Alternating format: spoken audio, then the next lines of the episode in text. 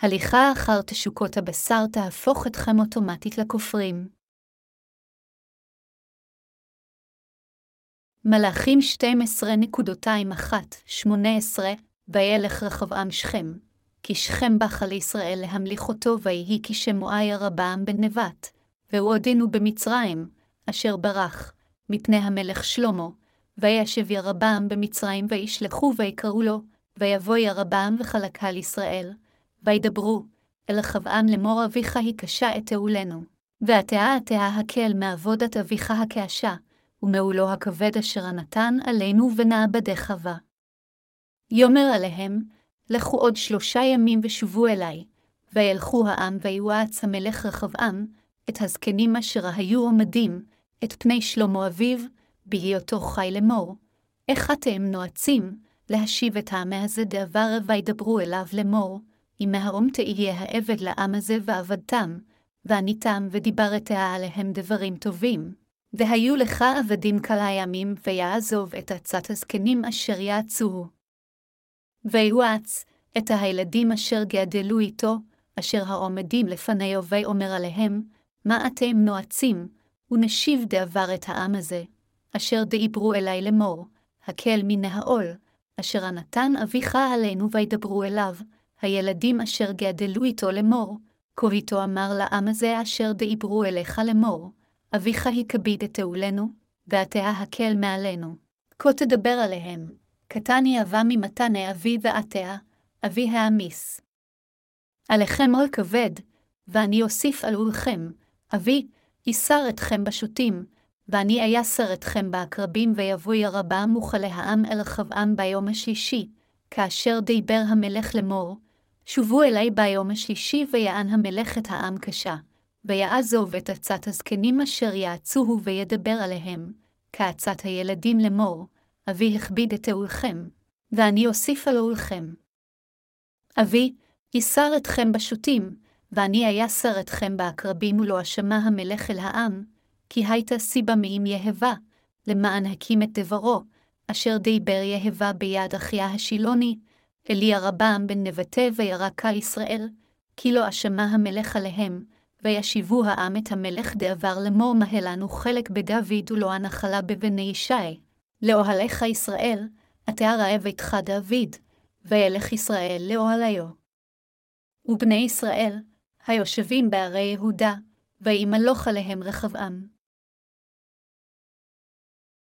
הקטע מהכתובים שקראנו עתה מתעד את האירוע שהתרחש כאשר רחבעם, בנו של שלמה, תפס את כס המלכות. רחבעם היה בדמו בנו של שלמה המלך. כאשר שלמה המלך מת, בני ישראל באו לשכם כדי לראות את בנו רחבעם, וביקשו ממנו בקשה. באותו זמן, איש ששמו ירבעם, בנו של נבט חזר מגלות ממצרים, ובא לראות את רחבעם יחד עם בני ישראל. אביך הקשה את תעולנו, ועתה עתה הקל מעבודת אביך הקעשה. ומעולו הכבד אשר נתן עלינו ונעבדך. ירבם ובני ישראל ביקשו מרחבעם, אתה כאשר הפכת למלך שלנו, הראה קצת התחשבות בעייפות שלנו. ששלטונך יהיה מעט יותר קל מאשר של אביך. אם גם אתה תכפה מסע כבד כמו שאביך עשה, לא נוכל יותר לסבול עול זה. לכן, הבטח לנו שתקל על העול שלנו, ואז אנו נשרתך בלב שלם, אך למרות זאת, אף על פי שעם ישראל ביקש מרחבעם לא לשלוט בהם כפי שאביו עשה, רחבעם בנו של שלמה דחה את בקשתם של האנשים ודיבר איתם בקשיחות אף יותר. דחייתו את בקשת אמו נבעה מתוך יהירותו. כמובן, רחבעם התייעץ קודם עם הזקנים אשר עמדו לצד אביו שלמה כאשר הוא היה עדיין חי וביקש מהם את עצתם בקשר לבקשתם של האנשים. הם יעצו למלך רחבעם לרסן את עצמו ואמרו לו, אם באמת תרצה לשרתם, ולענות להם במילים יפות, הם ישרתו אותך לעד, בכל אופן. המלך רחבעם לא הקשיב לעצתם, במקום זאת הוא התייעץ עם בחורים צעירים אשר גדלו עמו ושאל אותם את אותה שאלה. אז הבחורים הצעירים האלו יעצו למלך רחבעם להגיד לאנשים, אבי היה נחות לעומתי. האצבע הקטנה שלי גדולה יותר מהמותן שלו. אבי הכביד את העול שלכם עם שוטים, ואני אייסר אתכם עם עקרבים, כך שהוא הולך אחר העצה של האנשים הצעירים, הוא ענה לעם בקשיחות, אבי ייסר אתכם בשוטים, ואני אייסר אתכם בעקרבים. כאשר בני ישראל ראו כיצד המלך לא שומע להם, הם חזרו לאוהליהם ואמרו לו, השגח על ביתך שלך. לא זמן רב לאחר מכן רחבעם שלח את אדורם להוביל אותם לעבודת כפייה, עשרת השבטים של ישראל רגמו אותו למוות.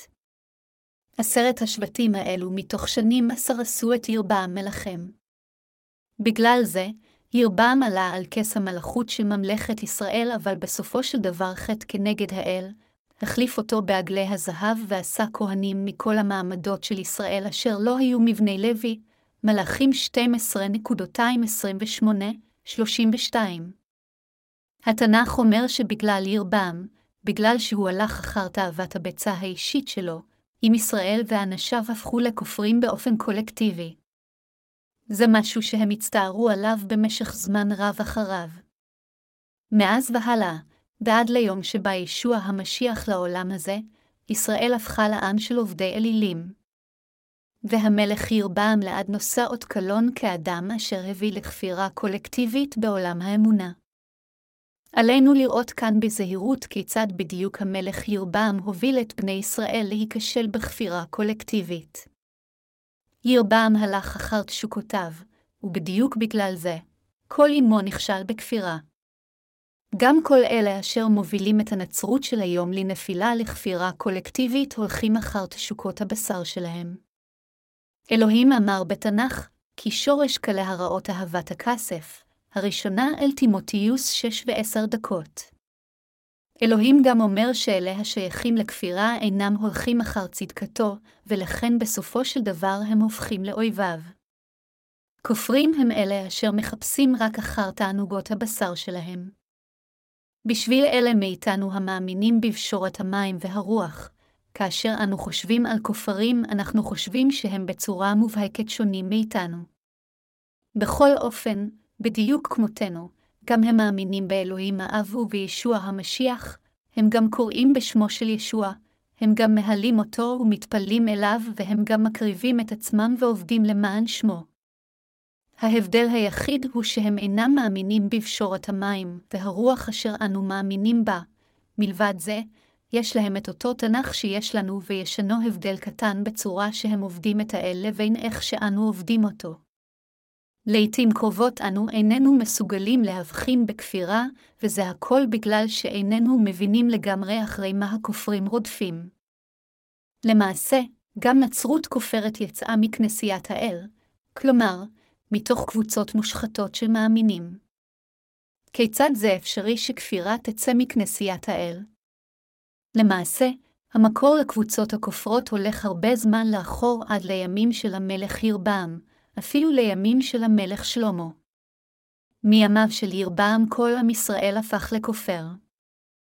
אנו יכולים לראות זאת יותר בבירור כאשר נסתכל על התנהגותו של המלך שלמה. מכיוון שהמלך שלמה חיפש והלך רק אחרי תשוקות הבשר שלו, ובסופו של דבר אפשר גם לו וגם לעמו לעבוד אלילים, ובסוף, הוא הפך לכופר לפני האל. מה שלומה, אנו יכולים לראות שאם מישהו הולך רק אחר התשוקות האישיות שלו, אז הוא הופך לכופר לפני האל. לכן, כדי להזהיר אותנו מסכנות שכאלו וללמד אותנו לקח, אלוהים כתב את הסיפור הזה שבברית הישנה. שלמה ירש את כס המלכות מאביו דוד וגם את עושרו ותפארתו. ביציאתו למלחמות רבות אביו דוד הביס אין ספור אויבים, הביא את העמים השכנים להיכנע וצבר עושר גדול מהמיסים שלהם. דוד היא איש שליבו חי בהרמוניה עם לב האל, והוא היה גם מלך טוב לישראל. בכל משך חייו, רק פעם אחת דוד ננזף קשות על ידי האל, וזה קרה כאשר הוא לקח מתוך תאוותו את אשתו של אוריה. מלבד זה, למעשה לא היה שום אירוע בו דוד ננזף קשות על ידי האל.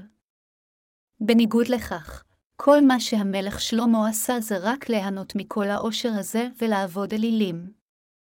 המלך שלמה בנה את מקדש האל, וזה היה הישגו הראשון מאז הוא ירש את כיסאו של אביו. הוא גייס שלושים אלף פועלים חזקים מבני ישראל, שם עשרת אלפים אנשים במשמרת של חודש עבודה ומנוחה במשך שני חודשים, מלאכים חמש וארבע עשרה דקות. מכיוון שגם כתוב שהיו גם שבעים אלף מובילים בשמונים, אפס אפס חוצבי אבנים בהרים, מלאכים חמש וחמש עשרה דקות, כאשר מקדש האל וארמונו של שלמה נבנו, כל בני ישראל כנראה הובלו לעבודות כפיה לפחות למספר חודשים בשנה. כאשר המלך שלמה כפה את העבודות המעיקות על עמו, הוא בעצמו חי חיי עושר ופאר מוגזמים. התנ"ך כותב שבמשך ימי חייו, שלמה פיזר כסף כמו שאבנים היו נפוצות על הקרקע. הוא בזבז את עושרו כך במשך כל ימי חייו, והיו לו פחות מאלף נשים. הוא גם הכריח את עמו לעבוד עבודת כפייה במשך שבע שנים כדי לבנות את מקדש האל. כדי לבנות את הארמון שלו, הוא גרם להם לעבוד במשך 13 שנים. אם באמת היה אכפת לו מהאנשים, אז הוא היה גורם להם לעבוד במשך שנה או שנתיים לכל היותר כדי לבנות את מקדשו, ולאחר מכן היה מאפשר להם לנוח ולשרת את משפחותיהם. חשבו על כך בעצמכם. אם היה עליי לגייס אתכם לעבודת כפייה כדי לעבוד במשך 13 שנים רק בשביל לבנות את הבית שלי, הייתי נתקל בהתנגדות קשה מצדכם. זוהי הסיבה מדוע כאשר תקופת השלטון של בנו של שלמה החלה, בני ישראל באו למלך רחבעם וביקשו ממנו שיקל את העול הקשה שלהם. היה על המלך להקשיב ולקבל את בקשתם, אך הוא בטיפשות דחה אותה, וכך עורר מרד. אך זה היה הכל רצונו של האל שהמלך רחבעם יסרב לקבל את בקשת האנשים. מכיוון שהמלך שלמה עבד יותר מידי אלילים, אשר אלוהים שנא, לבנו רחבעם אפשר לעשות את הטעות הגסה הזו כך שאלוהים יטיל את הדין על החטאים של אביו שלמה. מדוע הכפירה הגיחה מתוך הנצרות? כפירה הופיעה בקהילות הנוצריות כיוון שהיו אנשים כמו רחבעם או ירבעם בתוכה. הווה נבחן יותר מקרוב מדוע הכפירה הזו הגיחה מהנצרות. אפילו בשבילנו, המאמינים בפשורת המים והרוח, אם נלך אחר תאוות הביצה שלנו כל כך הרבה, אז גם אנחנו נהפוך לכופרים. ובאשר לאלה אשר בקהילות הנוצריות, גם אם הם יאמינו בנצרות כעניין של דת בלבד במקום לנהל את חיי האמונה שלהם על ידי האמונה בבשורת המים והרוח, אז הם גם יראו ככופרים בעיני האל. אף על פי שזה רק טבעי שזה יקרה למספר מועט של נוצרים, אתם חייבים להבין שאפילו כאשר האדם הולך אחר האל, אם הוא רק מחפש אחר התשוקות האישיות שלו, אז גם הוא יהפוך לכופר. אפילו מבחינת המאמינים בבשורת המים והרוח, אם הם רק יחיו על פי תשוקות בשרם בלבד, אז גם הם יכולים להפוך לכופרים לפני האל. ירבעם הלך אחר תאוות הביצה האישית שלו. זוהי הסיבה מדוע הוא הפך לכופר בעיני האל. המלך ירבעם היה כופר לפני האל. הוא היה כופר לפני האל מכיוון שהוא הלך רק את תשוקות הבשר על פי רצונות ליבו. הכופרים צומחים מהקודמים להם בכפירה. ירבעם צפה בדרכי שלמה כאשר שירת בחצרו. זוהי הסיבה מדוע הוא עשה את אותם חטאים כמו המלך שלמה. באופן כזה, מכיוון שגם בני ישראל הלכו בעקבות ירבעם וחזרו על אותם חטאים אשר הוא ביצע, הם הפכו לכופרים השנואים על ידי האל. ישנם רבים בקהילות הנוצריות אשר כלואים על ידי כופרים קולקטיביים. בנצרות של היום, כל אלה אשר אינם מאמינים בבשורת המים והרוח הם למעשה מתנגדי האל, אך זה לא קורה מכיוון שהם רוצים באמת לעמוד כנגד האל. ההפך, זה הכל מכיוון שהם אינם מסוגלים לגרש את תאוות הבשר אשר בליבם. אם האדם לא נולד מחדש ולכן בליבו לא שוכנת רוח הקודש, אז הוא לא מסוגל להיפטר מתאוות הבשר שלו, וזוהי הסיבה מדוע הוא בסופו של דבר משתייך לקבוצה של כופרים קולקטיביים. זה כה מתסכל כאשר אני חושב על סוג כזה של אנשים אשר הולכים אחר התשוקות שלהם לפני האל. כיצד כומר אשר שבוי בתשוקות גשמיות שלא יכול להיקרא מנהיג נוצרי? כמרים שכאלו אינם מכירים את בשורת המים והרוח ולא מאמינים בה, ולכן יש להם חטאים רבים בליבם. אז כיצד כמרים אלו, אשר בורים לגבי בשורת המים והרוח, עומדים לפני קהלם ומטיפים להם, והרבה פחות מפיצים את בשורת האמת לחוטאים? אומרים שהרבה הטבות גשמיות באות כאשר האדם הופך לכומר. למלכים מובטחות זכויות מלוכה שונות, אך אומרים שלכמרים מובטחות הרבה יותר זכויות יתר מאשר מלכים. לכן הם אינם רוצים לוותר על קו האמונה שלהם, אף על פי שהם נוכחים לראות שהוא מוטעה, כיוון שכך הם יאבדו כל זכות יתר ככמרים בזרמים המרכזיים בנצרות. מכיוון שכל כך הרבה כמרים רבים משרתים לפי התשוקות האישיות שלהם רק כדי לספק את תאוות הביצה הזו, שהם אפילו לא מנסים לתקן את הכיוון המוטעה שלהם. זוהי הסיבה מדוע כמרים והחסידים שלהם אינם מסוגלים להימלט מהכופרים הקולקטיביים של מה שנקרא הזרם המרכזי של הנצרות. גם בנצרות של היום, בדיוק כמו ירבעם, מנהיגים רבים חיים על פי תאוות בשרם. כל האנשים האלו הולכים בדרך הכפירה לפני האל.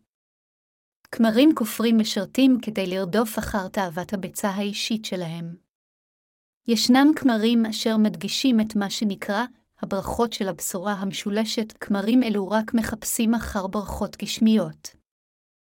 כשהם מצטטים את השלישית ליוחנן 1.22 אשר אומר, ידידי רצוני שייטב לך לכל דעבר ותהיה בריא כטוב לנפשך, הם טוענים שאם האדם יאמין בישוע, הוא לא רק ייוושע, אלא גם יקבל את ברכות הארץ, ויחלים מכל המחלות הפיזיות שלו. אמונות שכאלו הן לא יותר מלשים את האמונות של האדם בדוקטרינות גסות ושקריות שהן לא יותר מאשר קומדיה מטומטמת. כשהשם חמושים בטיעון אשר אומר, כל הבעיות ייפתרו אם האדם יאמין בישוע, הם מעוררים את אלה אשר מחפשים אחר התאוות האישיות שלהם, והופכים אותם לחסידים פנאטים של הלימוד שלהם. לאנשים שכאלה ישוע הוא קצת יותר מספק של ביטוח אשר מבטיח להם את הצלחתם. עמוק בלב ליבם, לא נמצא שם ישוע אלא עגלי זהב. אלה השייכים לכפירה הקולקטיבית הם אלה אשר הולכים אחר תאוות בשרם. אלה הנקראים כביכול מנהיגי הנצרות אינם יודעים ולא מאמינים בבשורת המים והרוח, אך הם כולם מעמידים פנים שהם אנשי כנסייה בקהילות הנוצריות. בסופו של דבר, הם לא רק חיים למען גשמיותם, אלא גשמיותם גם מקבלת כבוד הכל בשם ישוע המשיח. מכיוון שהם רוצים לשרת את עגלי הזהב, הם משרתים כאנשי כנסייה. במקרים מסוימים, אין שום דבר אחר שהם יכולים לעשות במסגרת החברה שלהם. למעשה, חלק מהם אינם יכולים להתפרנס בצורה אחרת, וזוהי הסיבה מדוע הם עובדים ככמרים. כשהם חמושים בידע תיאולוגי חלש ובמספר קטן של דוקטרינות נוצריות אשר הם למדו בסמינרים, וכשהם שמים בחזית תיאולוגים מפורסמים או את הקדושים המעונים שבזרם שלהם שבהם הם מתגאים, אנשים שכאלו מנצלים נשמות טיפשיות. אך אפילו שהם לא יותר מאשר ערמה של תאוות ביצה, הגשמיות שלהם מקבלת כבוד בקהילות הנוצריות. אלו הם האנשים האלה שלא רק שאינם מסוגלים לגרש את התשוקות האישיות שלהם, אלא הם למעשה משרתים על מנת לספק אותן, וכך הופכים לכופרים בנצרות. אפילו מבחינת כל הכמרים שלנו, העובדים שלנו והקדושים שלנו אשר מאמינים בבשורת המים והרוח היום, אם הם רק ילכו אחר תאוות הביצה שלהם, אז גם הם יהפכו לכופרים לפני האל. בסופו של דבר, אלה אשר מאמצים את הדרך של הכפירה עושים כך כיוון שהם שמים את התשוקות הגשמיות שלהם במקום מקום האל ומשרתים אותן כאילו היו האלוהים שלהם. זוהי הטרגדיה של הכמרים היום אשר משרתים מתי גלי זהב בקהילות הנוצריות. אפילו אם האדם מאמין בבשורת המים והרוח, כל עוד הוא לא משרת את הבשורה הזו, וחי את חייו למען פרסומה, אז גם האדם הצדיק הזה יכול להפוך לכופר. זה אפילו נכון יותר לגבי כמרים רבים אשר משרתים עתה בנצרות של היום, מבלי להיוולד מחדש. מדוע הכמרים והחסידים שלהם בקהילות הנוצריות הפכו לכופרים קולקטיביים? זה בגלל שהם הלכו אחר התשוקות האישיות שלהם. כל מלך ישראל צריך לעשות מלחמה נגד אויביו ולמלוך על עמו תחת תיאוקרטיה, אך הרחק מכך, מלך מסוים לא רק הביא נשים זרות לחצרו כנשים שלו, אלא הוא העביר את כל חייו כשהוא מתגאה בחוכמה שלו, באינטלקטואל ומוסריותו. מלך זה היה כופר. האם אתם יודעים מיהו? הוא לא אחר מאשר שלמה. מלך שכזה אינו יכול שלא, בסופו של דבר, להוביל את עמו לעבודת אלילים. מה אמר שלמה כאשר הוא התקרב לסוף ימיו? האם הוא לא אמר, הבל הבלים הכל הבל? קהלת 1.22 שלמה התנסה בכל דבר בעולם הזה. הוא חי לפי תאוות הביצה שלו, אך האם כל עבודתו לא הייתה לחינם? אנו יכולים אם כן ללמוד כאן לקח חשוב מאלוהים. הכמרים שלנו, העובדים והעובדות שלנו והקדושים שלנו ההולכים עתה אחר צדקת האל, קיבלו את מחילת חטאיהם על ידי האמונה בבשורת המים והרוח. בכל אופן, גם בליבנו נשארו תאוות הבשר. אף על פי כן, אנו חייבים להקדיש את עצמנו לעבודת הפצת הבשורה של המים והרוח, להאמין וללכת אחר צדקת האל. אפילו מבחינת הצדיקים, אם הם ילכו רק אחרי תאוות הבשר שלהם, אז בסופו של דבר הם יהפכו לכופרים. מכיוון שהאדם הולך אחר התשוקות האישיות שלו, הוא אינו מסוגל להאמין בבשורת המים והרוח, וכתוצאה מכך הופך לכופר. אותו לקח חל גם עלינו, למרות שאנו מאמינים בבשורת המים והרוח, אם נשים דגש רב מדי על התשוקות האישיות שלנו של הבשר ונכנע לתשוקות אלו ונלך רק אחר תשוקות הבשר, אז גם אנו נהפוך לכופרים. זהו השיעור שגם אנו חייבים ללמוד כאן. עלינו לזכור שאפילו אלו אשר נולדו מחדש על ידי האמונה בבשורת המים והרוח וקיבלו את מחילת חטאיהם יכולים ללכת אחר אלילים. אני בטוח שאפילו בקהילת האל, עם הכמרים שלנו, העובדים שלנו והאחים והאחיות שלנו ילכו רק אחר תאוות בשרם, אז תוך זמן קצר גם הם יהפכו לכופרים ויעבדו אלילים. אם כן יש אנשים שיכולים להגיד, אנו מאמינים בבשורת המים והרוח, ולכן כיצד אנו יכולים להפוך לכופרים לפני האל, אך זה לא בלתי אפשרי. אנו, גם, יכולים להידרדר לכנסייה כופרת אשר עובדת אלילים במאה אחוז. בשביל אלה אשר לא מאמינים בפשורת המים והרוח, זה רק עניין של זמן עד שהם ישרתו אלילים. בכל אופן, אפילו אנו המאמינים בבשורת המים והרוח יכולים לסיים כמו ירבעם. חבריי המאמינים, האם המלך ירבעם היה בור לגבי תורת האל? לא, הוא ידע עליה הכל. הוא ידע היטב שהיום העשירי בחודש השביעי זה יום כיפור, וכל פעם שיום כיפור או פסח יתקרבו כל בני ישראל יתאספו יחד סביב המקדש בירושלים כדי שהכהן הגדול יקריב קורבנות למענם, ויאפשר להם לקבל את מחילת חטאיהם. הוא גם היה מודע לחלוטין לעובדה שאנשים רגילים לא יכולים לכהן בכהונה ושרק צאצאי לוי הופכים לכהנים. הוא גם ידע היטב שרק מי שהוא צאצאו של אהרון יכול לכהן ככהן הגדול.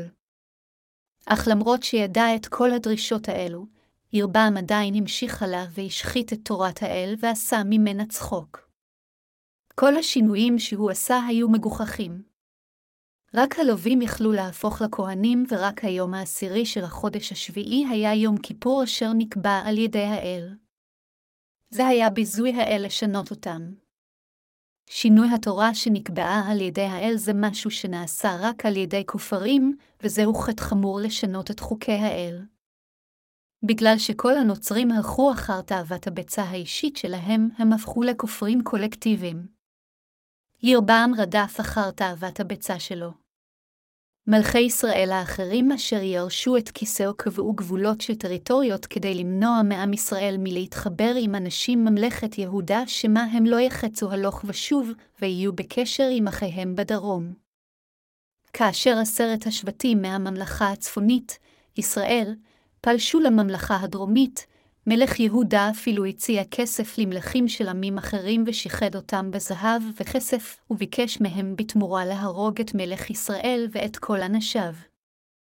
אנשים אלו ביקשו ממדינות אחרות כמו בבל להרוג את הדומים להם בשם. ישראל ויהודה הפכו לאויבים אחד של השני. מדוע זה קרה? זה מכיוון שמלאכם נכשל בגירוש תאוות הביצה של הגוף. אם המלך הזה היה שם בצד את תאוות הביצה האישית שלו, מאמין ביהו האלוהים כאל היחיד והאמתי וממנה כהנים וגורם להם להקריב על פי שיטת הקורבנות אשר נקבעה על ידי האל, אז כל האנשים היו מקבלים את מחילת החטאים וגם מפארים את אלוהים. אם המלך ירבעם היה ממינה את צאצאי לוי לכהונה, יודע ומשרת את רצון האל באמצעות נביאיו, מאפשר התחברות של ידידות עם הממלכה הדרומית יהודה באמצעות אותה אמונה. אוסף את אנשיו כולם במקדש בירושלים ועובד את האל עם אנשי יהודה במאורע כגון יום כיפור, פסח וחג הקציר. ומתאחד עם יהודה כדי להביס שבטים זרים, אז אם ישראל היה יכול להתברך על ידי האל וליהנות משלום. הוא היה אז מבטיח את הלגיטימיות שלו וגם צאצאיו היו מנהיגים את האנשים בדרך הנכונה. אך ירבעם לא עשה שום דבר מהדברים האלו, אלא במקום זאת, הוא ניתק את היחסים של ממלכתו עם הממלכה הדרומית יהודה ומנע מעמו להיות בכל קשר עם אנשי יהודה רק כדי לספק את תאוות הביצה שלו. אפילו היום, אנשים ברחבי העולם אשר לא נולדו מחדש חושים מאלה המאמינים בבשורת המים והרוח. אנשים אלה אינם יודעים מהי בשורת המים והרוח. אם מישהו אומר להם שליבו הפך לכף מחתה על ידי האמונה בבשורת המים והרוח, הם בעיוורון צובעים אותו כחופר. מדוע הם מתייחסים למאמינים בבשורת המים והרוח כך? הם עושים זאת על מנת לספק את תאוות הביצה האישית שלהם. זה מכיוון שהם מפחדים שאם המאמינים בבשורת המים והרוח יבואו לכנסיותיהם וילמדו את קהלם את הבשורה האמתית, הם כבר לא יוכרו ככמרים על ידי הקהל שלהם.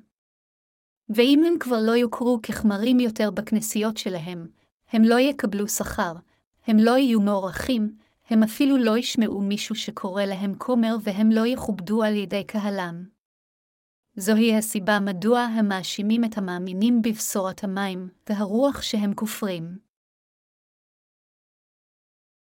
הכפירה הקולקטיבית בנצרות הקוראת לעצמה הזרם האורתודוקסי צמחה מתוך אי ידיעה של בשורת המים והרוח. זה בלתי אפשרי להגיד שלמלך שלמה לא היה קשר לכך שאם ישראל הפך לקבוצה של כופרים. אף על פי שבאופן ברור היה זה עוול שהמלך ירבעם עבד אלילים, זה נעשה כך בדיוק בגלל ששלמה לימד אותו כך. במילים אחרות, הסיבה לכך שירבעם הלך בדרך זרה הייתה בגלל מלכו שלמה, מכיוון שהמלך שלמה עבד אלילים באופן רגיל ולימד את האנשים את האמונה הכופרת שלו. אם כן מי האשם בעלייתה של הכפירה הקולקטיבית בנצרות של היום. זה הכל בגלל המנהיגים הנוצרים אשר הולכים אחרי אלילים בחייהם. וזה בגלל אלה אשר הולכים בעקבות תאוות הביצה הגשמית האישית שלהם אפילו לאחר האמונה בבשורת המים והרוח והלידה מחדש, כופרים אלו צצו הלאה בקהילות הנוצריות. לכן, ככאלה המאמינים עתה בבשורת המים והרוח, אנו חייבים לתפוס עד כמה חשובה היא האחריות שלנו. לכמרים שלנו ברחבי קוריאה, וכמו כן לכל השותפים שלנו לעבודה והאחים והאחיות שלנו ברחבי העולם המאמינים בבשורת המים והרוח, ברצוני להבהיר את הנקודה הבאה באופן ברור. אין שום ביטחון שאנו לא נהפוך לכופרים לפני האל. אם נשרת אלילים כמו שלמה על פי תאוות הביצה האישית שלנו, אז גם אנחנו נהפוך לכופרים. המלך אחאב הוא בנו של עמרי. החטאים אשר בוצעו על ידי ירבעם או על ידי היורשים שלו החבירו לעומת החטאים שאדם זה אחאב עשה. אחאב הבן של עמרי עשה רע בעיני האל, יותר מכל אלה אשר היו לפניו, מלאכים 16-30. הוא אפילו יצר דמות של בעל והסתורט ושם אותם במקדש של בעל בשומרון. הוא בנה שם מזבח, השתחווה לפני האלילים האלו והקטיר להם קטורת ולכן עמד כנגד האל. אם מידם זה אחאב התחתן. הוא התחתן עם אישה זרה בשם איזבל. במהות שלו, לא היה לו כל חשש מאלוהים. כיצד איש האלוהים יכול להתחתן עם אישה זרה? היום, אנשים רבים מתחתנים מלאומים שונים ובשום אופן אני לא אומר כאן על זה משהו לא טוב או מוטעה. אני מצביע על ההבלה הרוחנית של אחאב שכאשר התחתן עם איזבל זה היה חטא דומה לחטא שהמאמינים בבשורת המים והרוח יעשו אם הם יחלקו את אמונתם עם נוצרים אחרים אשר אינם מאמינים בבשורת האמת הזו. מכיוון שאני נולדתי מחדש על ידי האמונה בבשורת המים והרוח, אני מזלזל באלה אשר אינם יודעים את הבשורה הזו, ולא משנה עד כמה הם יכולים להיות נהדרים ונפלאים. האם אנשי האל יכולים להיענות ולהתחבר פשוט עם כל אחד? לא, כמובן שלא. האם אחינו ואחיותינו אשר נולדו מחדש על ידי האמונה בבשורת המים והרוח יכולים לחלוק חברות עם אלה אשר שייכים לכופרים? לא, הם אינם. הם היו יכולים לעשות זאת כאשר לא הכירו את פשורת המים והרוח, אך הם אינם יכולים לעשות זאת ברגע שיש להם אמונה בבשורה האמתית.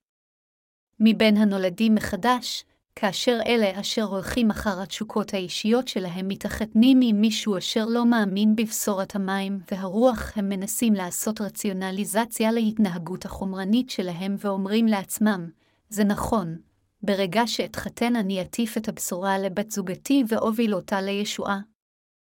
לאנשים שכאלה יש לי את הדברים הבאים להגיד, שטויות. אתה גם יכול לנסות להיות אלוהים בעצמך. חבריי המאמינים, מדוע אנשים צדיקים מסוימים מוצאים את עצמם לא מסוגלים להבחין במשהו מזוהם רוחנית? זה קורה מכיוון שהם הולכים רק אחר תשוקות בשרם. הצואה של הגוף אינה רק הדבר היחיד המזוהם. גם אלה המכהנים ללא אמונה בבשורת המים והרוח מזוהמים. האם הדברים אשר נראים רק בעיניים הגשמיות הם הדברים היחידים המזוהמים? האם אלה אשר הולכים רק אחר תאוות הביצה האישית שלהם של הבשר אפילו לאחר האמונה בבשורת המים והרוח אינם גם מזוהמים רוחנית? הם למעשה מלוכלכים רוחנית. האם אתם באמת מטיפים על בשורת המים והרוח באמונה? אם אתם רק מעוניינים בשגשוג חומרי, אפילו אם אתם קוראים לעצמכם צדיקים, אז אתם למעשה לא מטיפים לבשורת המים והרוח. האם מי שהולך רק אחרי התשוקות האישיות שלו באמת משרת את פשורת המים והרוח? לא, אף על פי שאנשים שכאלה טוענים שהם משרתים את הבשורה, בעיני האל הם למעשה לא משרתים אותה כיוון שהסיבה האולטימטיבית שלהם היא שגשוג גשמי. אנשים אלו הם כופרים. אנו חייבים שתהיה לנו הבחנה רוחנית כדי לסווג כופרים שכאלו, להטיף להם את בשורת המים והרוח, בכך להוביל אותם להיות באמת ילדי האל האמתיים. לכן עלינו לזכור שאפילו אנו, המאמינים בבשורת המים והרוח היום, יכולים להפוך לכופרים אם רק נחפש אחר הדברים של העולם. אתם חייבים להבין שאם תלכו רק אחר תאוות הביצה שלכם, אז בסופו של דבר אתם תיסחפו הרחק מפשורת המים והרוח ותמצאו את עצמכם הופכים לכופרים ומשרתי אלילים. אני בעצמי חייב להבין זאת וגם אתם חייבים להבין זאת. לנולדים מחדש המאמינים בבשורת המים והרוח, ולאלה אשר לא נולדו מחדש באופן דומה, יש לכולם את תאוות הביצה הגשמית. מקטע הכתובים של היום אנו חייבים לתפוס כיצד צמחו הכופרים הקולקטיביים. אני לא אומר עכשיו, זרם זה הוא כופר, והזרם ההוא הוא אורתודוקסי, ליתר דיוק אני מציין זאת בשביל ההבנה שלכם שהמנהיגים הנוצרים והמאמינים אשר אינם מאמינים בבשורת המים והרוח הם כולם שייכים לכפירה. היום הנצרות בכל רחבי העולם הפכה לחופרת קולקטיבית בדיוק בגלל שאינה מאמינה בבשורת המים והרוח. אלה אשר באופן קולקטיבי הפכו לכופרים מנסים להרחיק את עצמם מהמאמינים בבשורת האמת כדי לכסות על אמונתם המוטעית, שהרי מעשיהם השקריים יאספו אם הם יתחברו עם המאמינים בבשורת המים והרוח. אפילו יותר גרוע, הם למעשה עומדים כנגד אלה המאמינים בפשורת המים והרוח. במציאות, הם הופכים לכופרים כיוון שאינם יודעים ואינם מאמינים בפשורת המים והרוח, לא מכיוון שהם מטבעם יותר רשעים מהנולדים מחדש. מצד שני, אפילו אם האדם מאמין בבשורת המים והרוח, אם הוא כזה אשר הולך רק אחרי תשוקות הבשר שלו, אז הוא עובד אלילים לפני האל, והוא לבסוף יהפוך לכופר אשר עומד כנגד צדקת האל. אף על פי שתשוקות הבשר ממשיכות לצוץ בליבנו, אנו עדיין חייבים להקדיש את הגופים הלקויים שלנו לעבוד את האל ולשרת את פשורת המים והרוח, וכאשר אנו כך משרתים את צדקת האל עם הקדשה של ליבנו, אנו נוכחים לפחד מאלוהים. אם נלך אחר צדקת האל באמונה, אז אנו נהיה מוערכים על ידו. אלוהים גם יגן עלינו ואנו נקבל את ברכותיו השופעות. איננו יכולים לנהל חיי אמונה בצורה אינדיבידואלית בכוחות עצמנו בנפרד מכנסיית האל. לפני זמן מה, מספר כמרים אשר עבדו איתנו קראו תיגר על שלטון הכנסייה וחשבו לעצמם, אנו פשוט נעזוב את כנסיית האל, נייסד לנו כנסייה ונאפשר לעצמנו להיות המנהיגים שלה והכמרים, בהיותם בטוחים שהם יכולים להקים גרסה משלהם לכנסיית האל, הם עזבו את כנסיית האל האמתית והלכו בעקבות תאוות הבשר שלהם. אך האם היה להשתמש בכל אחד פשוט? והאם באמת זה מתאים לרצון האל שכל אחד ילכה בעקבות תאוות הביצה שלו? רק מכיוון שאנו מודרכים על ידי רוח הקודש, אשר מספקת לנו לחם גם לגופים שלנו וגם לרוחנו בזמנה, וגורמת לכך שרצון האל יהיה ידוע לנו, אנו חיים עתה על פי רצון האל ומקדישים את כל גופנו וליבו לו. מכיוון שאלוהים מחזיק אותנו באופן איתן ומנהיג אותנו עם דברו ובאמצעות רוח הקודש, אנו משמשים עתה על ידי האל ככלים שלו. עכשיו פשוט כל אחד יכול להפוך למנהיג בכנסיית האל. בניגוד לכך, כל מי שמאמין בבשורת המים והרוח יכול להפיץ את הבשורה הזו ולתמוך בפרסומה. בעוד כולנו יכולים להטיף את הבשורה, לא כולנו יכולים להשביע את ליבו של האל, יכולים להיות מונהגים על ידו, לחשוב על עבודתו במקום ללכת אחר בצע הכסף האישי של הגוף ולציית ולשרת את רצון האל. אינני אומר זאת כדי איכשהו להתגאות במעלות הטובות שלי, אלא כדי להסביר שלא כל אחד פשוט יכול לעשות את תפקיד ההנהגה של כנסיית האל. אם כל אחד היה יכול לעשות זאת, אז אלוהים היה משתמש בכולם. חבריי המאמינים, אפשרו לי פעם נוספת להבהיר בבירור כאן שאפילו הנולדים מחדש אשר מאמינים בבשורת המים והרוח יכולים להפוך לכופרים. שלא יהיה ספק שאפילו אנחנו, אם נלך בעקבות תאוות הבשר, אז גם אנו נהפוך לכופרים. אמת זאת חלה באופן שווה על הקדושים המאמינים בבשורת המים והרוח. אם מישהו הולך אחר תאוות הבשר שלו, אז הוא יהפוך לכופר. אותו דבר גם לגביי. האם אתם מסכימים עם זה? זה לחלוטין הכרחי מבחינתנו ללמוד על רצון האל. ועלינו גם לדעת בפירוט מה בדיוק אלוהים אומר באמצעות דברו. כאשר אנו מסתכלים כיום על הנצרות תחת אור דבר האל, אנו יכולים לראות שהיא כולה הפכה לכופרת קולקטיבית. כשהם מצטטים את השלישית ליוחנן 1.22 אשר אומר, ידידי רצוני שייטב לך לכל דעבר ותהיה בריא כטוב לנפשך, מנהיגי הנוצרים היום אומרים, נגזר עלינו לחיות תחת שלוש קללות של השטן, אך אלוהים החליף את שלושת הקללות של השטן עם שלוש ברכות שלו, אך במציאות, הם שמים דגש על ברכות חומרניות במקום ברכות רוחניות. הדגש הרב על ברכות גשמיות זה למעשה משהו אשר נעשה על ידי כופרים. לכן אנו חייבים להבין את דבר האל באופן נכון, ליישם אותו על עצמנו וללמוד כיצד עלינו לחיות לפני האל. אנו חייבים ללמוד על רצון האל, להבין את הרצון הזה וללכת אחריו. מחשבותינו זה לא מה שחשוב. יש לנו עדיין דרך ארוכה. למרות שתשוקות הבשר מפתות אותנו עד לנשימה האחרונה שלנו, אנו חייבים להיות עם מחשבה יחידה, מסירות לעבודת הפצת פשורת המים והרוח עד ליום בו נעמוד לפני ישוע, להבין שאם ניכנע לפיתוי הזה ונלך רק אחר תאוות בשרנו, אנו בסופו של דבר נהפוך לכופרים. גם בשבילנו, אשר כבר נהפכנו לצדיקים, הכרחי לבחון את ליבנו לעתים קרובות ככל האפשר. ואנו חייבים בצורה פעילה להשתתף בעבודה של הפצת בשורת האל. אנו חייבים לעשות כל מה שנחוץ להמשיך בעבודת האל, ואנו חייבים להמשיך לתמוך בעבודת הבשורה כדי להביא לפרחים שלה לפרוח. חבריי המאמינים, כאשר אנו עובדים קשה בעולם הזה כדי לעשות כסף ומשרתים את הבשורה של המים והרוח עם הכסף הזה, אנו יכולים לתמוך ככה בהטפת הבשורה. בימים אלו, אנשים אינם אוהבים כאשר זרים מתקרבים אליהם בניסיון להתחיל בשיחה עמם. לכן מכיוון שאלוהים נתן לנו חוכמה, אנו כבר מפיצים עתה במשך עשר שנים את הבשורה באמצעות ספרות ובאמצעות האינטרנט. אנו רואים עתה עד כמה אסטרטגיה זו אפקטיבית מאוד להפצת הבשורה. כל העבודה הזו נעשתה על ידי האל עצמו באמצעות משרותיו.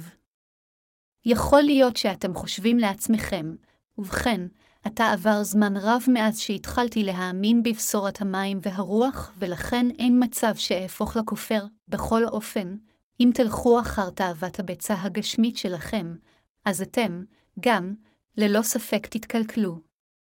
המלך ירבעם הפך לכופר לפני האל, והפך את עצמו לראש הכפירה הקולקטיבית. אנו חייבים ללמוד מדבר האל שגם המלך שלמה נכשל בחיי האמונה שלו כיוון שהלך אחר תאוות בשרו. לכולם, ממני ועד לכמרים, העובדים שלנו והקדושים שלנו, ברצוני להגיד את הדברים הבאים בצורה ברורה, מי הופך לכופר לפני האל? זה מישהו אשר הולך אחר תאוות הביצה שלו והופך לכופר. ואם מישהו אינו מאמין בבשורת המים והרוח, ובמקום זאת מטיף לבשורה אחרת, אז הוא יהפוך לכופר, כולנו חייבים לזכור זאת בבירור. גם מבחינתנו, אם ברצוננו להימנע מלהיות כופרים לפני האל, אז חייבת להיות לנו אמונה, חייבים ללכת אחר רצון האל ותמיד לחיות על ידי האמונה. יש כאלה מאיתנו שיכולים לחשוב שעתה שהם יודעים מספר דברים, והשיגו מספר הישגים וקצת גדלו בעשר שנים האחרונות, הם יודעים על מה הכומר עומד לדרוש ברגע שהוא מפנה לקטע העיקרי של דרשתו. זה, בכל אופן, לא המקרה. אנו בקושי עשינו את הצעד הראשון, ויש לנו עדיין דרך ארוכה ללכת. אמונה אמתית מושגת רק כאשר דבר האל מובן בהליכה יומיומית שלנו, ושהוא בצורה איתנה שתול בליבנו על ידי האמונה בו. ההתקדמות שלנו באמונה נעשית רק אם אנו מאמינים בדבר האל ונוהגים על פיו צעד אחר צעד, אחרי הכל. איזה רווח אנו יכולים להשיג רק על ידי ידיעה של דבר האל רק כעניין של תרגיל אינטלקטואלי ותאורטי. הידע גורם לירות, הראשונה אל הקורנטיים 8.21. אפילו אם אנו יודעים הרבה, עד כמה אנו באמת יודעים. כל הידע שלנו הוא לא יותר מאשר פסולת, אפילו לא מספיק למלא מספר כרכים של אנציקלופדיה. אפילו פאולוס השליח החשיב את כל הידע שלו לגמרי כפסולת. הדרך שלפנינו, שבה לא הלכנו לפני כן, עדיין נשארה רחוקה. עדיין נשארה עבודה רבה לעשות. האם אתם רוצים להפוך לכופרים? אני שואל אתכם את השאלה הזו מכיוון בעוד שאנו יכולים לשים בצד את אלה אשר כבר הפכו לכופרים לפני האל, מכיוון שישנם קצת דברים שאנו יכולים לעשות, לפחות אסור לנו לאפשר לעצמנו להפוך לכופרים. האם אתם חושבים שהמכרים שלנו המאמינים בבשורת המים והרוח לעולם לא יהפכו לכופרים? הרחק מכך. לא משנה כיצד הם כמרים שנולדו מחדש, כל עוד הם אינם ממשיכים לעבוד כדי לשרת ולהפיץ את צדקת האל ואת קשורת המים והרוח, זה מאה אחוז אפשרי שגם הם יוכלו להפוך לכופרים. בעבר, היה לי קשה להגיד את הדברים האלה, אך עתה, אני יותר ממסוגל להגיד זאת. אלה אשר חושים מהאל ומצייתים לרצונו בחייהם, יכולים לשגשג גם בגוף וגם ברוח. אפילו אם זה לא היה המקרה, אנו עדיין חייבים לחיות למען צדקת האל ולהפיץ את בשורת המים והרוח ברחבי כל העולם. כל דבר בעולם הזה נעשה על ידי האל, וכל הדברים בידיו. זוהי הסיבה מדוע בריות אלו חיות בשלווה במסגרת השגחת האל. באופן כזה, עמנו, אשר חיים עתה לפני האל, מקדישים את חיינו לעבודת הפצת הבשורה של בשורת המים והרוח ברחבי כל העולם, אז אלוהים ידאג לנו ויביא שגשוג בזמנו. ישנם, כמובן, פעמים כאשר אנו מוצאים את עצמנו נאבקים יותר מידי.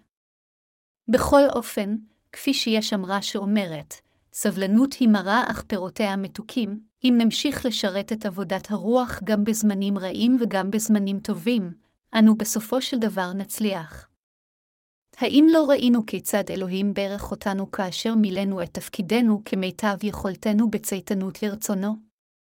לכן, הבה לא נוותר על המאמצים הנוכחיים כדי ללכת אחר האל, לא ניפול לייאוש אלא נחיה את חיינו על פי צדקת האל ממש עד לסוף. למעשה, אנו נלחמים נגד גופנו ומביאים אותו לכניעה במקום ללכת אחר תאוות הביצה האישית שלנו, ואם נלך אחר רצון האל, אז ליבנו יהיה מלא בעונג ובשמחה שאין לתארם, ומעודד על ידי האדון. אני בטוח שחוותם זאת בעבר כאשר ליבכם היה שמח, אפילו כאשר גופכם הרגיש לגמרי מותש.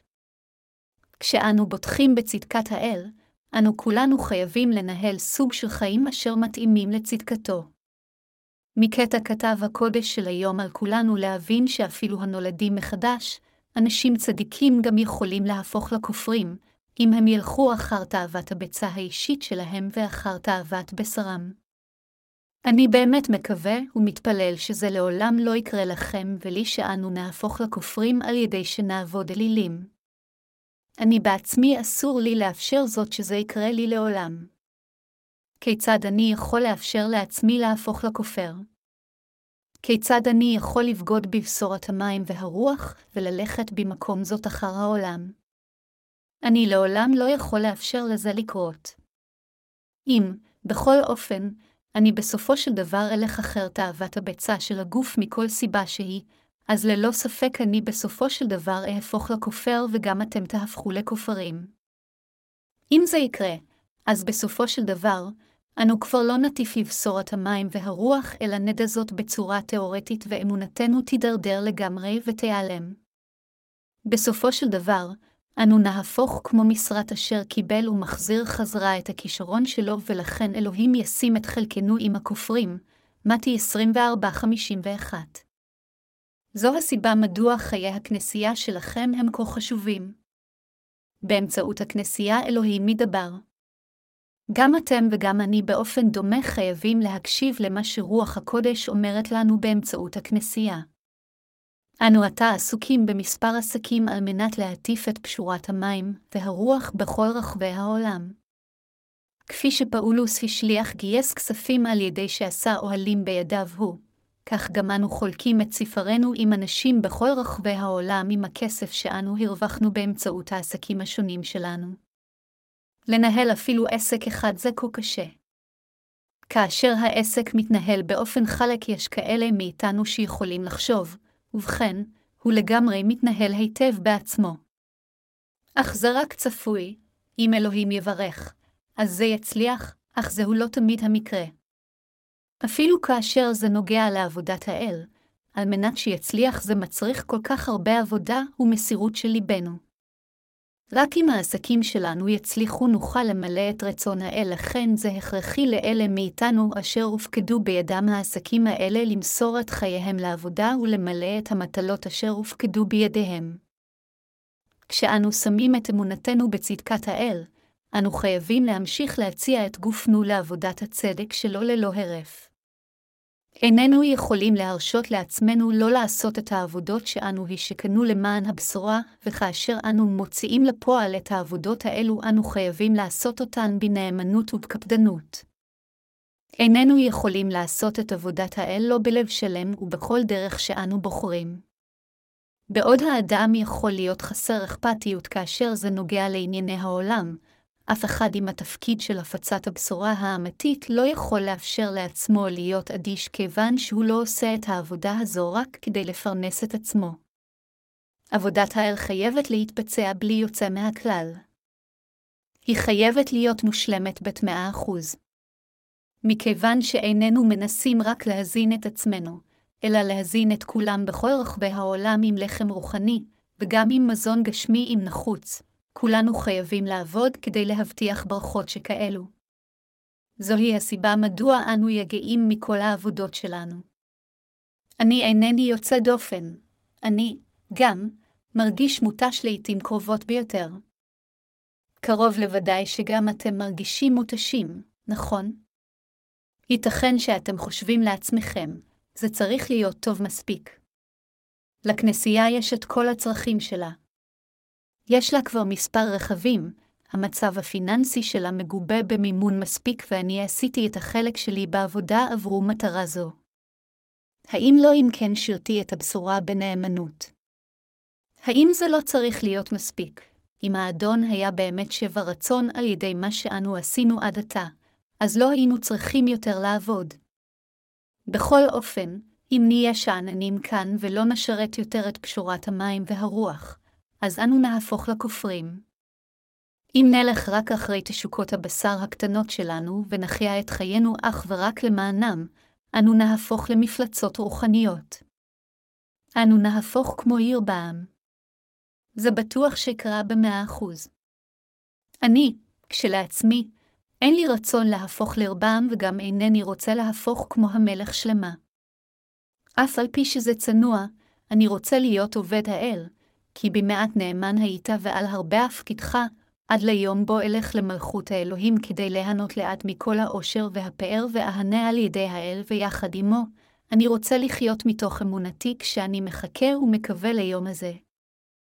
יום זה ללא ספק יגיע. אנשים רבים אינם מתייחסים לכופרים במספיק רצינות, אף על פי שהם מוזהרים לגביהם שוב ושוב. אלה השייכים לכפירה, בכל אופן, הם רשעים גמורים.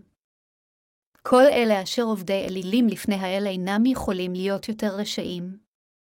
זוהי תקוותי ותפילתי שאלוהים יגן עם כל המשרתים והקדושים של כנסייתו.